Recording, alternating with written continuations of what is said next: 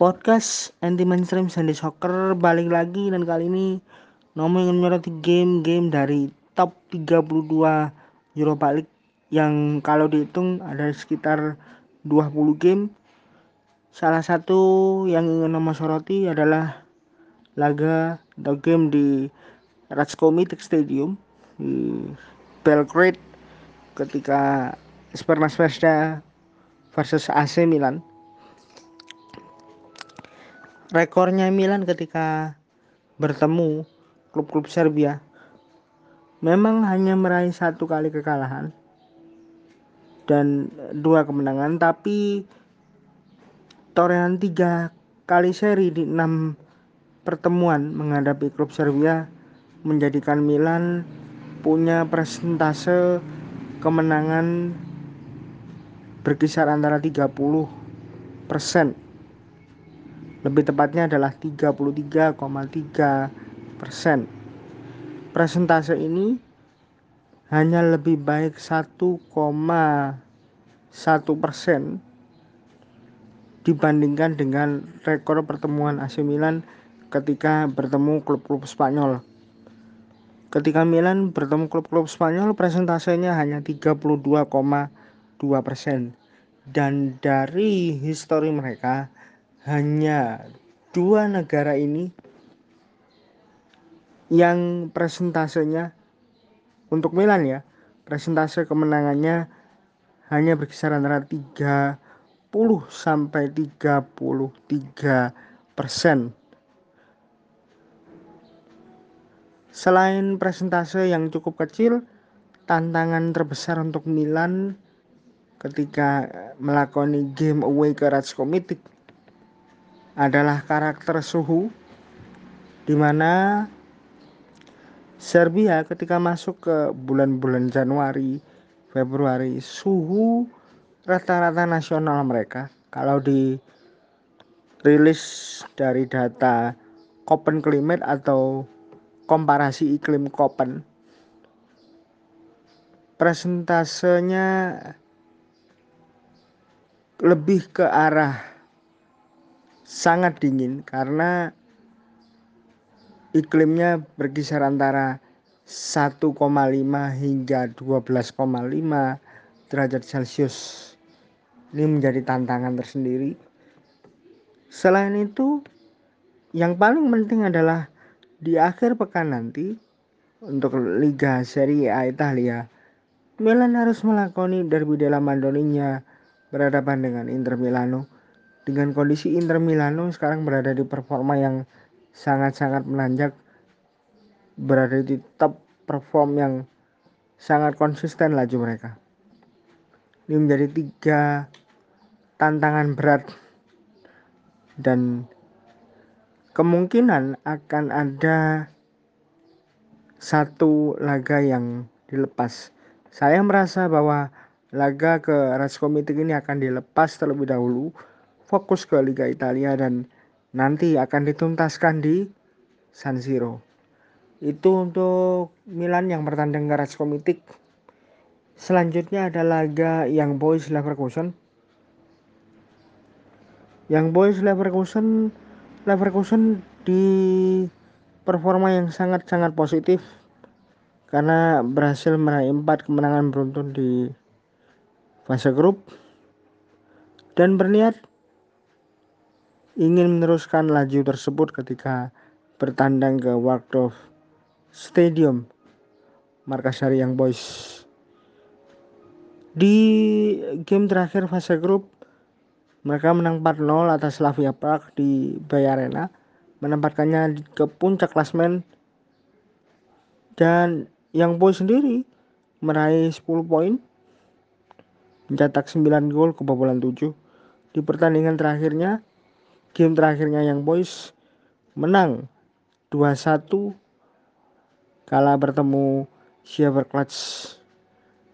Game terakhir kedua tim berakhir dengan skor 2-2.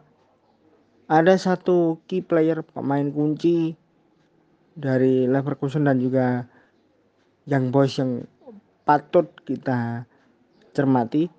Untuk Leverkusen ada Leon Bailey dia sudah mencetak gol di lima kesempatan.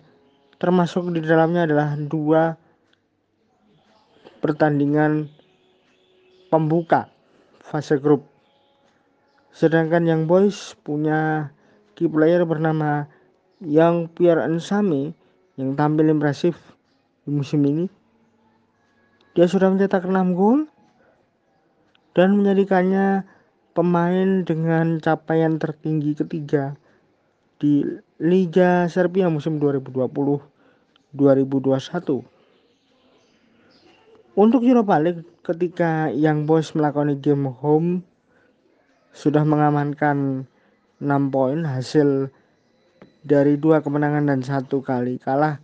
Begitu juga dengan Leverkusen yang melakoni tiga laga away di mana mereka meraih dua kemenangan dan sekali kalah. Untuk performa yang Boys di 6 game terakhir meraih satu kali seri, dua kekalahan dan tiga kemenangan.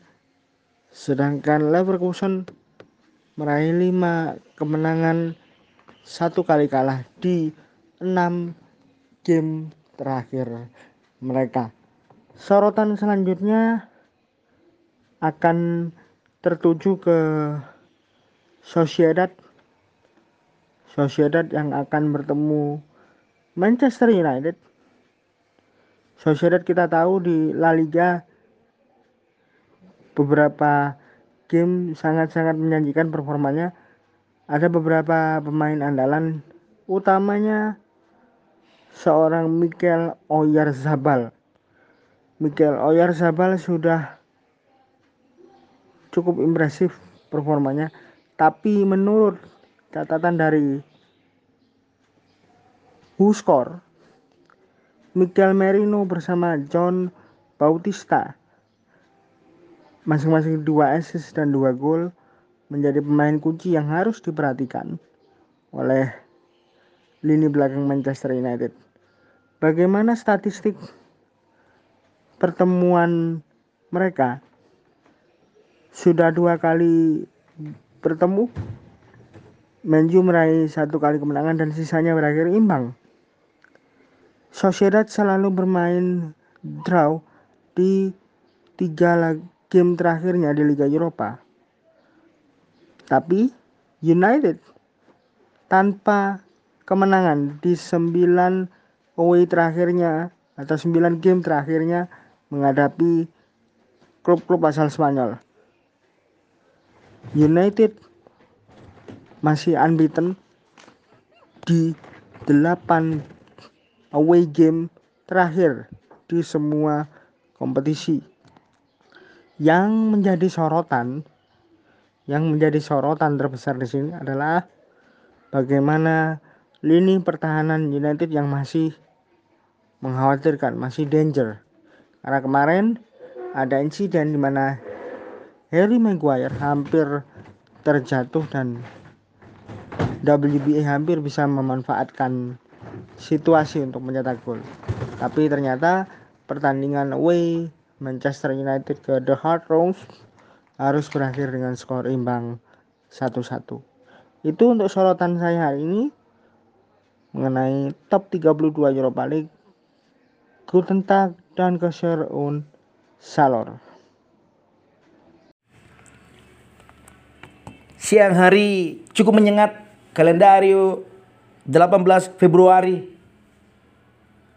podcast anti mainstream Seni Soccer langsung aja shoot on go ngelihat gimana UEFA Europa League game dini hari juga yang subuh ya ada klub Portugal Benfica bertemu dengan klub elit London Arsenal unik sekali ya pengamatan seni gebol. Bagaimana mungkin empat tim kontestan dari Premier League semuanya berstatus laga away. Spurs pergi ke Wolfsberger. United bertemu ke Sociedad. Leicester away ke Praha. Ditunggu tuan rumah Slavia.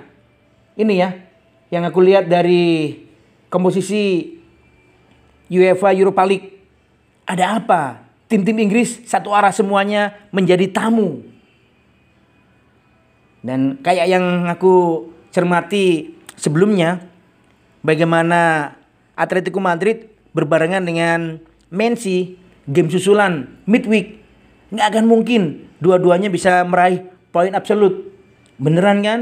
Justru yang Los Blancos kesandung cuma mendapatkan satu poin. Mereka menguasai standings La Liga Santander. Sedangkan Messi seperti analisa Senegibol, Messi masih sangat-sangat haus darah membantai The Toffees. Wow, wow, wow, wow, wow, wow, wow, wow, wow. Balik ke UEFA Europa League.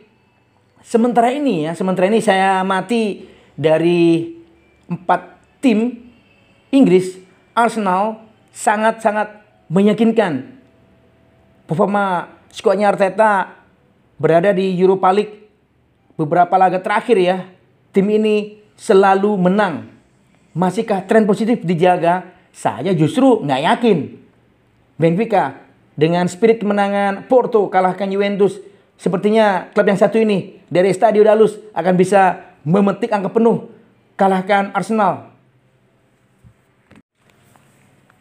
Belum selesai pengamatan Seni Gibol nyoroti UEFA Europa League. Cerita tim-tim Inggris ya. Satu arah semuanya berstatus away team. Spurs, Red Devil, ada Leicester, skuadnya Brand Rodgers, Arsenal pergi ke Benfica. Ternyata juga dialami bagaimana kontestan negeri pizza, wakil-wakil Serie A. Ada tiga ya, semuanya menjadi tamu. Milan, AS Roma, Napoli. Pukul tiga, skuadnya Rino Gattuso berkunjung ke Granada. Siapa yang tergelincir? Kan nggak mungkin. Tiga-tiganya justru perfecto ya meraih Triapunti. Suena Vesda versus Milan pukul 00.55. Jam yang sama Sporting Braga bertemu dengan AS Roma. Granada, Granada dan tiga subuh ya lawannya Napoli. Kalau ini, kalau ini aku justru lebih dukung Ilupi AS Roma. Roma mesti membalas ya cerita tim Italia gagal berkunjung ke Dragao Porto kalahkan Juventus 2-1. Ini tugasnya AS Roma harus bungkam Sporting Braga. Ini analisa bisa aja keliru. Yeah!